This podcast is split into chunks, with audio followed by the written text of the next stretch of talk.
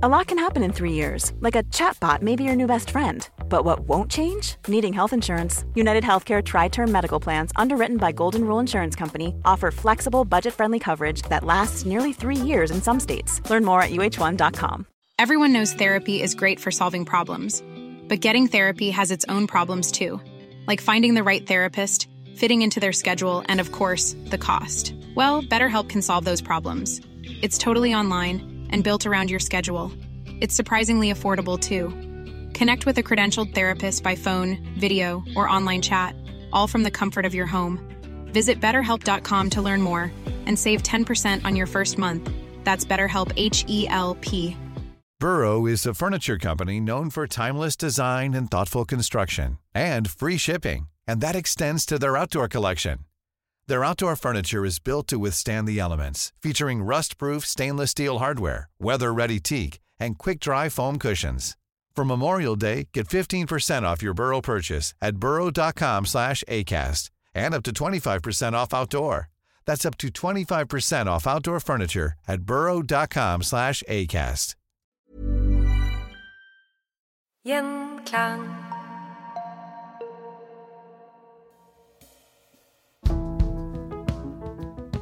På begynnelsen av 1800-tallet mente man at sykdom kom pga. en ubalanse i kroppen eller naturen.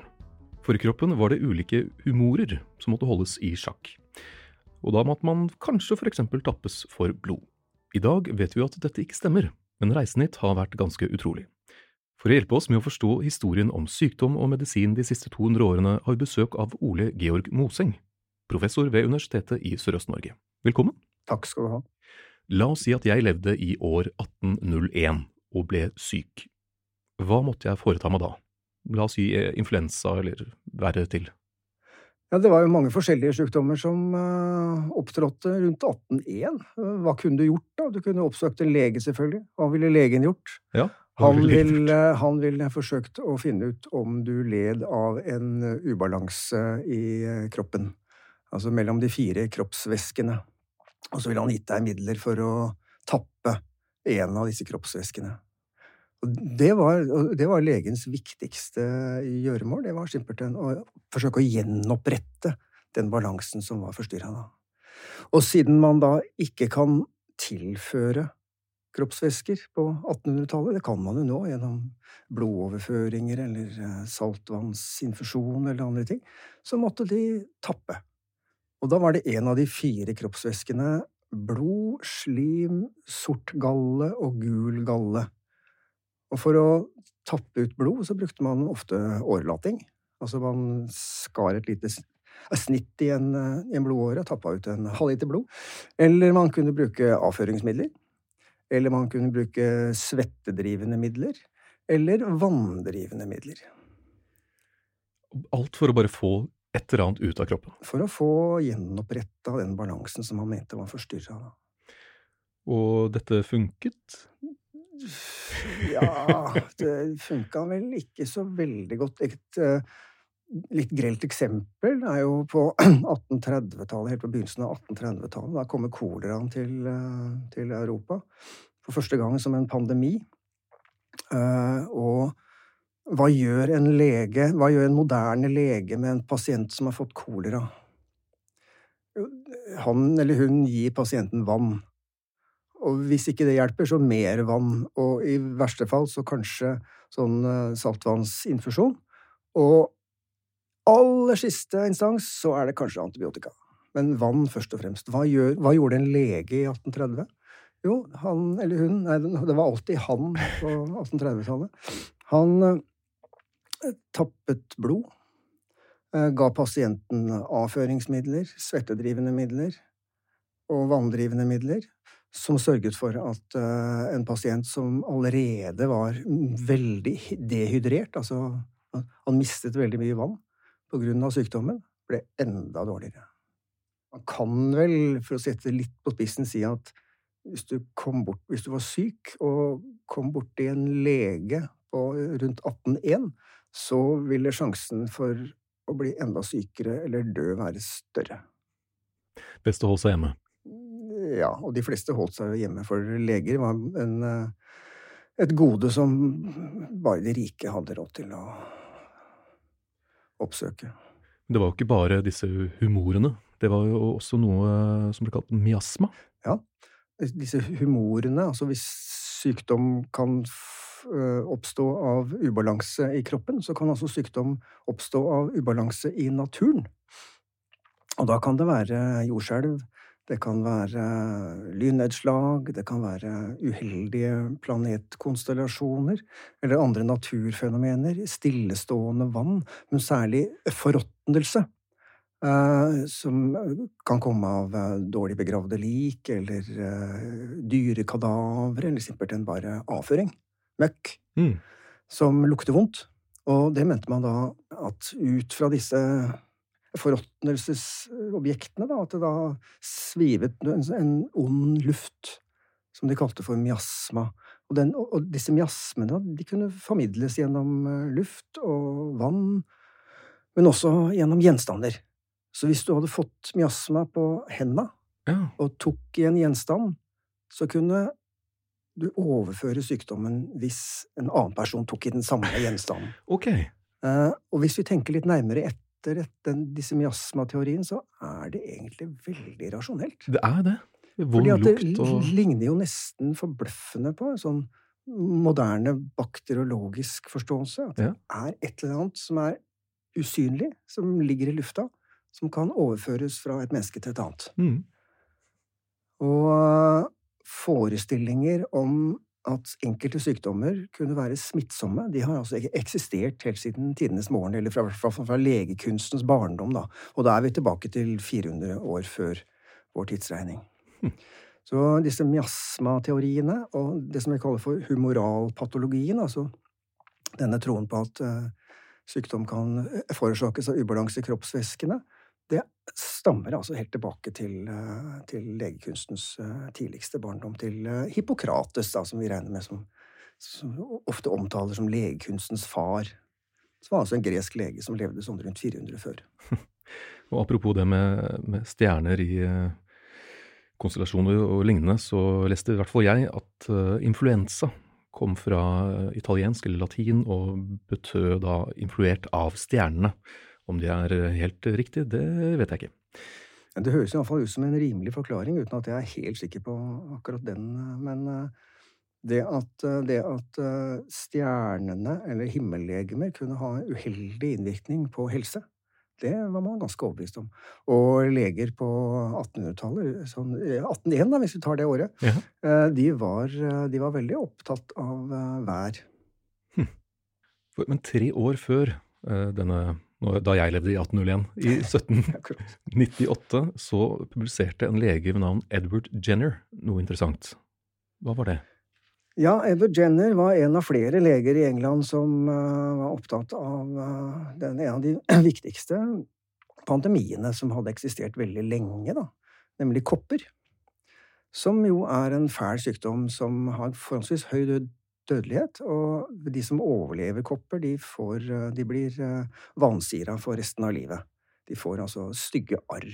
Og hvis vi ser bilder fra mellomkrigstida, fotografier fra mellomkrigstida, så vil det være forholdsvis ofte at folk er så kopparret, altså, i ansiktet. Eh, og det Edward Jenner oppdaget da, det var at det var noen i hans landsby i England som ikke fikk kopper i det hele tatt, og det var budeiene. Okay. Og de fortalte at de hadde fått en sykdom som de kalte for kukopper, som ligner på kopper, og som gir en slags eh, utslett, men langt ifra så alvorlige som vanlige kopper, eh, og som går over etter en stund. Og hvis de hadde fått kukopper, ved at de hadde vært i nærheten av buskap, altså, så var de da beskytta mot kopper. Da fikk de aldri kopper videre. Og dette tok Jenner opp. Dette er en form for hva kaller for folkemedisinsk sånn erfaring, ikke sant? Ja.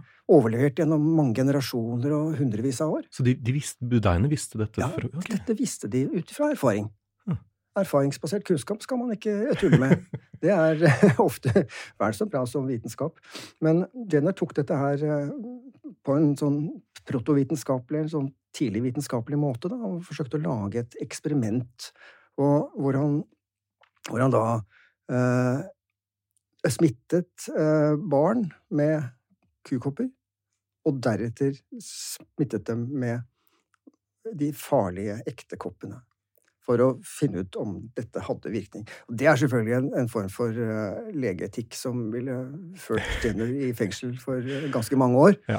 Hvis han hadde utført det i dag. Men uh, det viste seg at dette eksperimentet, da, det var veldig vellykka.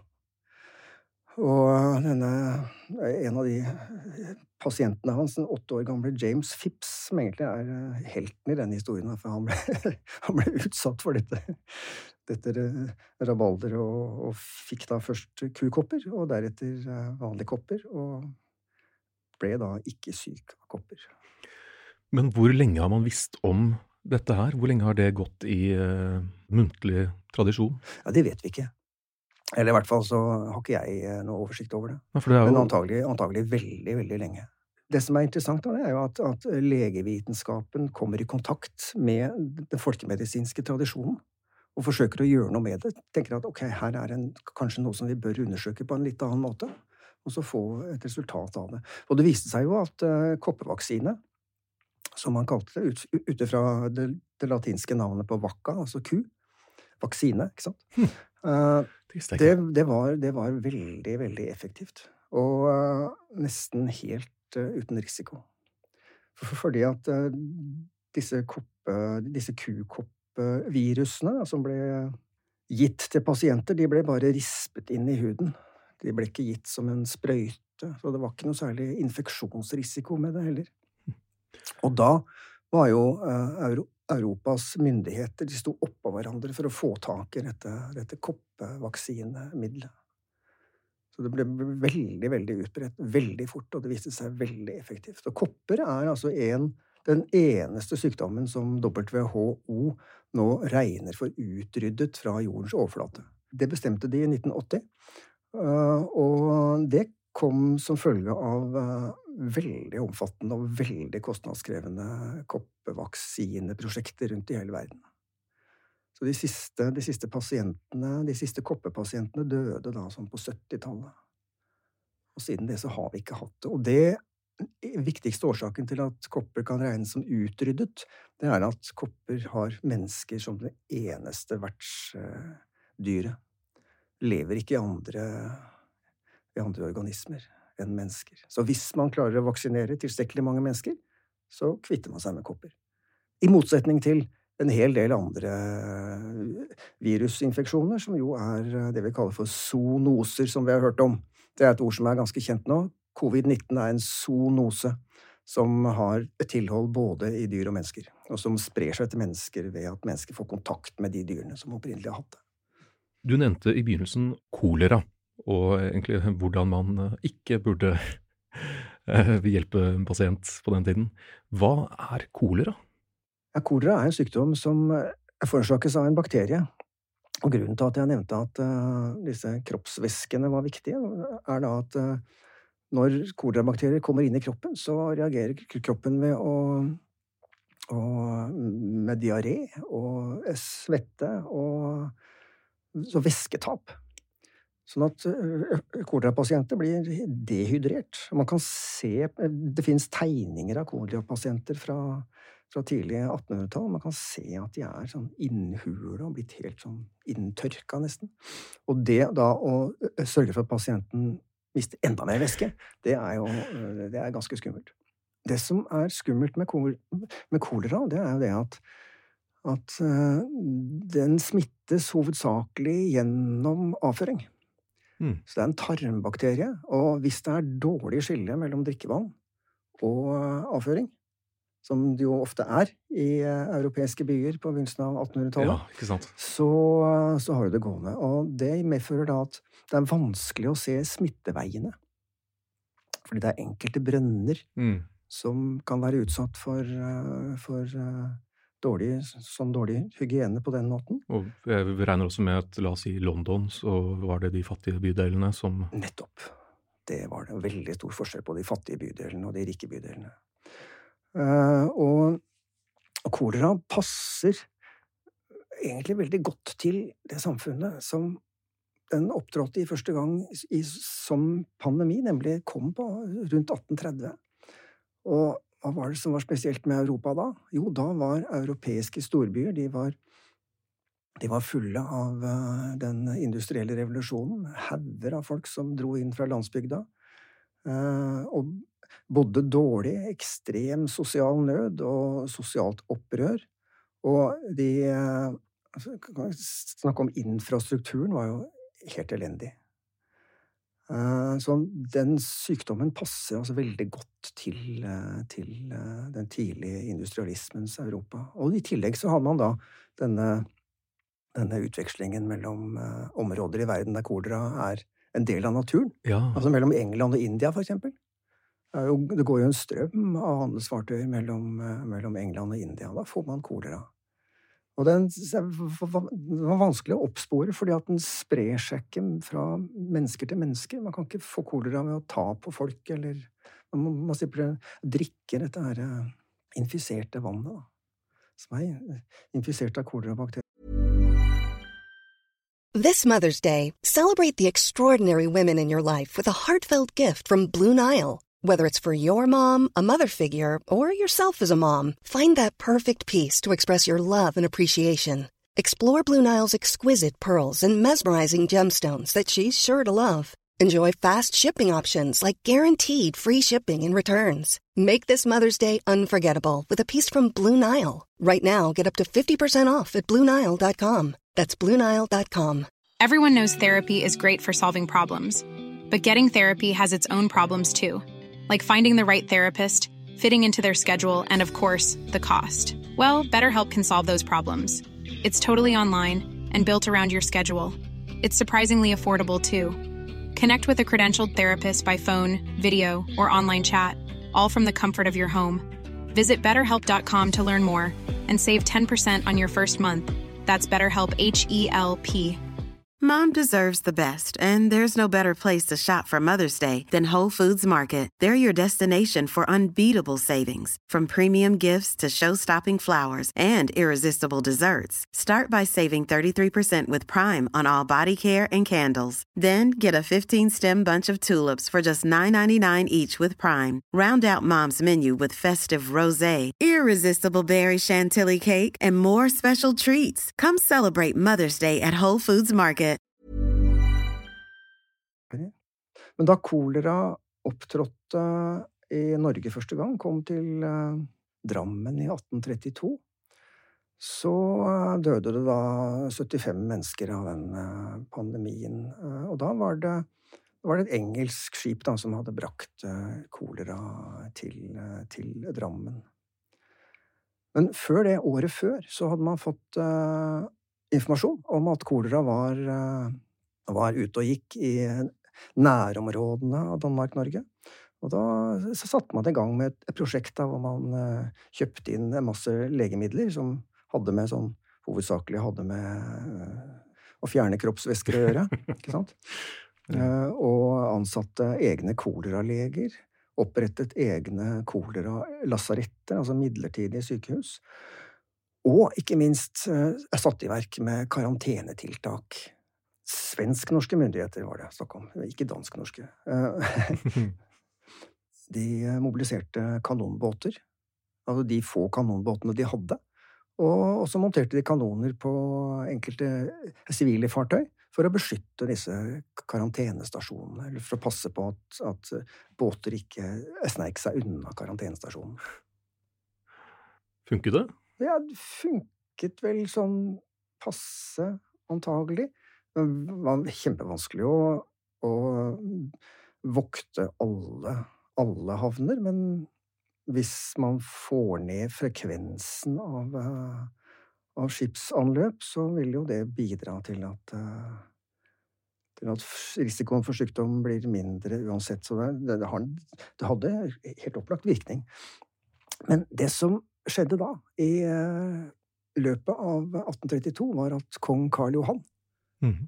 Opphevet karantenene for hele Akershus stift, altså det som er, i dag er store deler av Østlandet. Hvorfor gjorde Karl Johan det, hvis ja, det, det hadde sin virkning? Jo, det gjorde han etter råd fra de høyeste medisinske autoritetene i landet, nemlig professorer ved universitetet og overleger ved Rikshospitalet. Og de sa at kolera, det er en sykdom som ikke er smittsom, men som kommer av miasma. Ah, ja, ok. Mm. Og er der, ja. da er jo logikken sånn at hvis det først er miasma et sted, som forårsaker kolera, så spiller det ingen rolle om båter går fram og tilbake. Ikke sant? De, hadde jo, eh, altså, de var inne på det, da, med miasmaen, med at det var i vannet. Ja da, det, men her opptrer, opptrer det altså en form for Det blir en form for veldig sterk motsetning da, mellom de som mener at sykdommer kan være smittsomme, altså med kontaktsmitte, og de som mener at det er miasmer som, foregår, som forårsaker sykdommen. Eh, Jeg vet ikke riktig hvorfor disse miasmateoretikerne fikk så veldig sving på seg akkurat i den sammenhengen her. Men eh, det, det foregikk da en kamp mellom, eh, mellom smitteforståelsen og miasmaforståelsen. Og det som skjedde etter at dette karantenesystemet ble opphevet, det var jo da at, eh, at året etter, i 1833, så kom koleraen tilbake, og da var det 1500 som døde da. Oi. Så det var en, en dødelighet som økte med øktes uh, mange ganger. En annen ting som var eh, veldig smittsomt på denne tiden, og som tok livet av en god del, var tuberkulose. Ja, tuberkulose er I den vestlige verden så kan man vel nesten si at tuberkulose er, er utryddet. Det er lenge siden det er noen som døde av tuberkulose. Vi har noen hundre tilfeller uh, av tuberkulose som forekommer i Norge. Uh, nesten alle av de er, uh, kommer fra Afrika. Men tuberkulose er et stort problem hvis vi ser på det globalt. Eh, I hele Afrika sør for Sahara så er tuberkulose en av de aller viktigste dødsårsakene. Og det er viktig å merke seg i vår eh, vestlige idyll, Mhm. at eh, det er en del sykdommer som er urimelig farlige, og som er, har urimelig høy utbredelse andre steder enn i den vestlige verden. Så Af i, Afrika så er altså tuberkulose et kjempeproblem. Og det vi ser da i Norge, da tuberkulose får mye oppmerksomhet, sånn på 1880-90-tallet, eh, det er da at eh, det er den, ja, de aller viktigste dødsårsakene. Kanskje det er den viktigste dødsårsaken. Det er 7000 mennesker som dør hvert år av tuberkulose på, i tiårene rundt 1900. Hvordan utarter det seg? Eh, Det er en veldig langsom sykdom som, som forårsaker at eh, gjerne i den mest vanlige formen for tuberkulose, hvor bakteriene angriper lungene, så eh, får bakteriene lungene til å klappe sammen og begynne å blø, og da får man denne blodige hosten som kan være veldig smittsom. Og så er det er det ofte sånn at pasienter kan, kan leve i flere år med tuberkulose. Og er ikke, dødeligheten er ikke veldig høy, men eh, det er altså en veldig langsomt-virkende sykdom. Men det som, det som skjer da, i løpet av eh, tida mellom sånn 1890-tallet og fram til andre verdenskrig, det er at tuberkulose får en veldig nedgang. Både dødelighet og utbredelse får en veldig nedgang. Eh, og det er et av de store paradoksene i medisinhistorien. Hvordan i all verden kan man bekjempe en sykdom uten tilgang til effektive legemidler? For hva er det som kan være effektive legemidler mot tuberkulose? Jo, det er for det første antibiotika, og for det andre BCG-vaksine. Og uh, ingen av dem var tilgjengelige før etter andre verdenskrig. Hvordan i alle dager eh, løste det seg? Forklaringen på det er mest sannsynlig opplysningsvirksomhet. Simpelthen ved å innføre et sett med leveregler som var like enkle som de var effektive, nemlig å formane folk om at de ikke skulle drikke av samme kopp, ikke sove i samme seng som en som var syk, vaske seg på hendene, ikke spytte på gulvet. Og jeg tror at eh, den kanskje den viktigste innsatsen mot tuberkulose, det var, eh, det var sykepleiere som syklet rundt og skrudde opp sånne emaljeskilt på bedehus og jernbanestasjoner hvor det sto 'spytt ikke på gulvet'. Ah. Kjempeenkle ting, altså. Jeg leste at den eh, Man tidligere trodde at den, eh, i hvert fall noen steder, at den hadde en slags vampyrisk effekt. Hvis én i familien ble smittet, så tappet den sakte, men sikkert de andre husholdningen for livskraft. Det er vel det sikkert av at de ble smittet. Ja, ja, det kan godt tenkes at eh, det er selvfølgelig mange, mange folkelige forestillinger som knytter seg til eh, mange forskjellige sykdommer, men det som vi ser veldig tydelig, da, er at uh, dårlige hygieniske forhold, og hvis folk bor trangt, så har tuberkulose veldig gode forhold.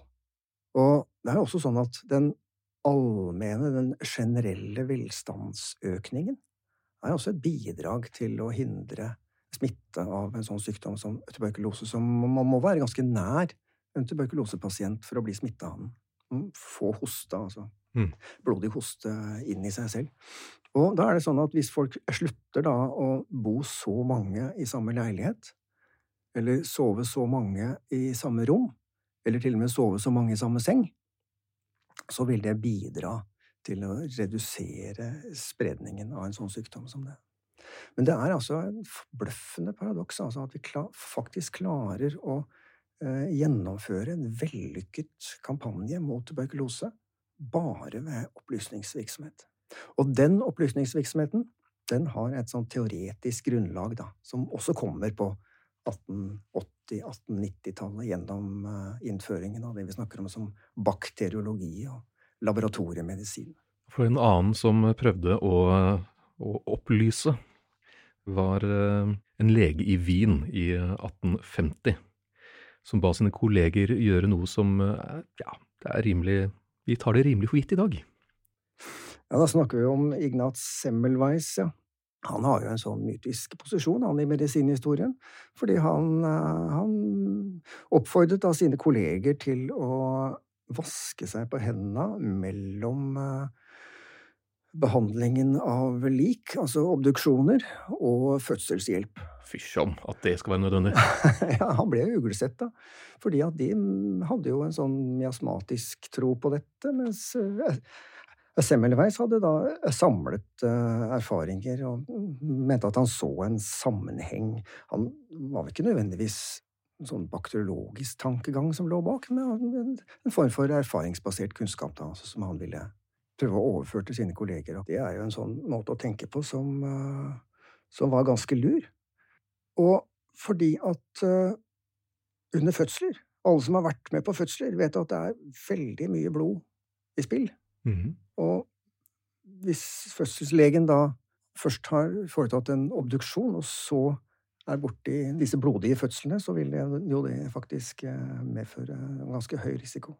Vi ser jo også i sykehus på, ja, på Semmelweises tid, altså 1840-tallet, når det blir opprettet uh, fødselsstiftelser, altså hvor, uh, hvor litt fattige kvinner kan komme inn og få uh, forhåpentligvis eh, bedre forhold for å føde, så er altså eh, infeksjonsrisikoen veldig høy, da.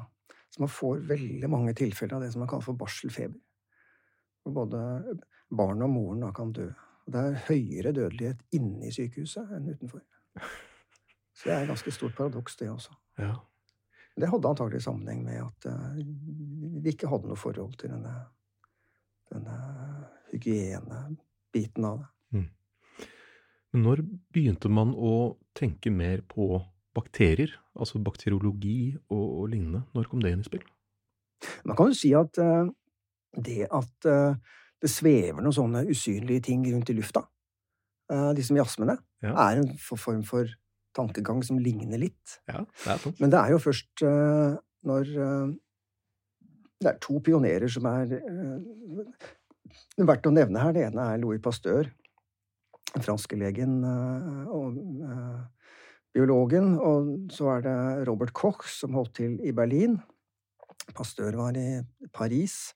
Og han eh, fikk i oppdrag å forsøke å finne ut hvorfor melk og vin ble sur og kom opp da med den gode ideen at det ikke skyldtes egenskaper inne i vinen eller melken, men at det er ting som ble påført disse væskene utenifra. Da.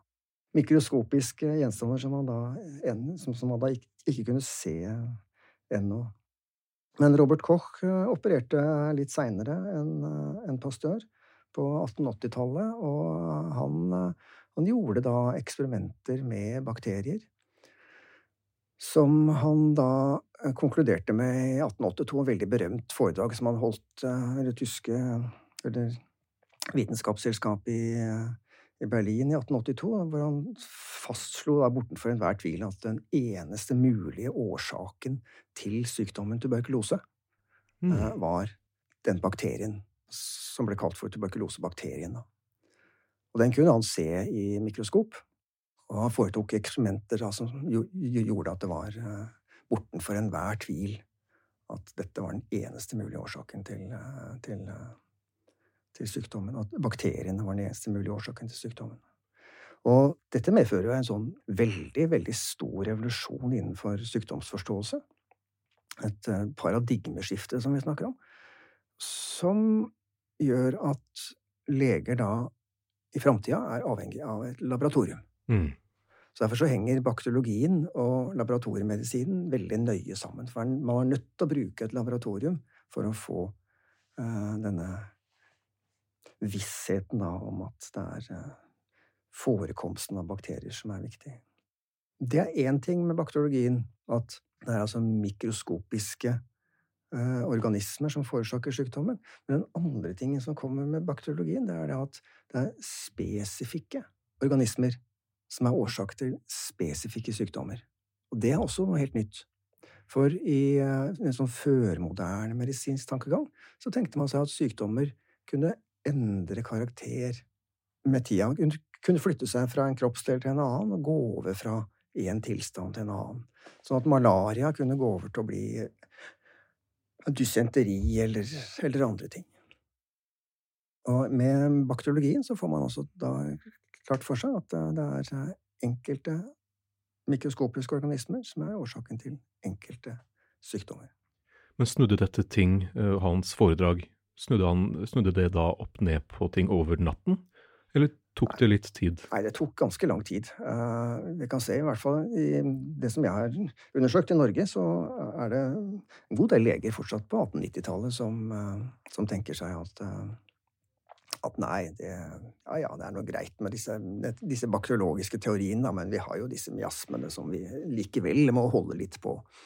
Og det var, altså, da tuberkuloseloven, som var Europas første lov som eh, foreskrev altså tiltak mot tuberkulose, som blant annet eh, omfatta mulighet for tvangsinnlegging av, eh, av, tuberkulosepasienter. Da den skulle bli vedtatt i Stortinget, kom i 1900, ble gjort gjeldende fra 1901, så var det en del leger som iherdig motsatte seg denne loven. Fordi de mente at nei, denne bakteriologien nei, det, er noe, det, er noe, greit nok med dette nye, men vi, vi har jo alltid visst hvordan det egentlig var. Så det tok altså i hvert fall 20 års tid før dette her ble allment godtatt. Men da tror jeg vi må si oss eh, fornøyde med del én. Og så kan vi høres videre i del to.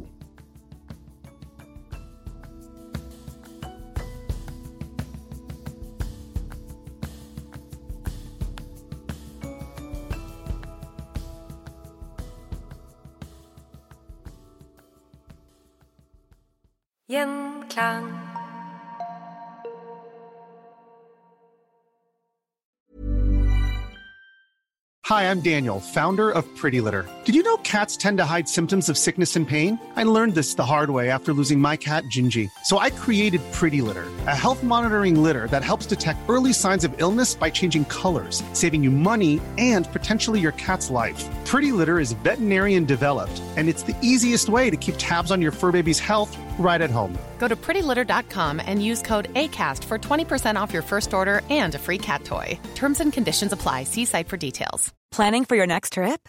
Elevate your travel style with Quince. Quince has all the jet setting essentials you'll want for your next getaway, like European linen, premium luggage options, buttery soft Italian leather bags, and so much more. And is all priced at 50 to 80% less than similar brands. Plus, Quince only works with factories that use safe and ethical manufacturing practices.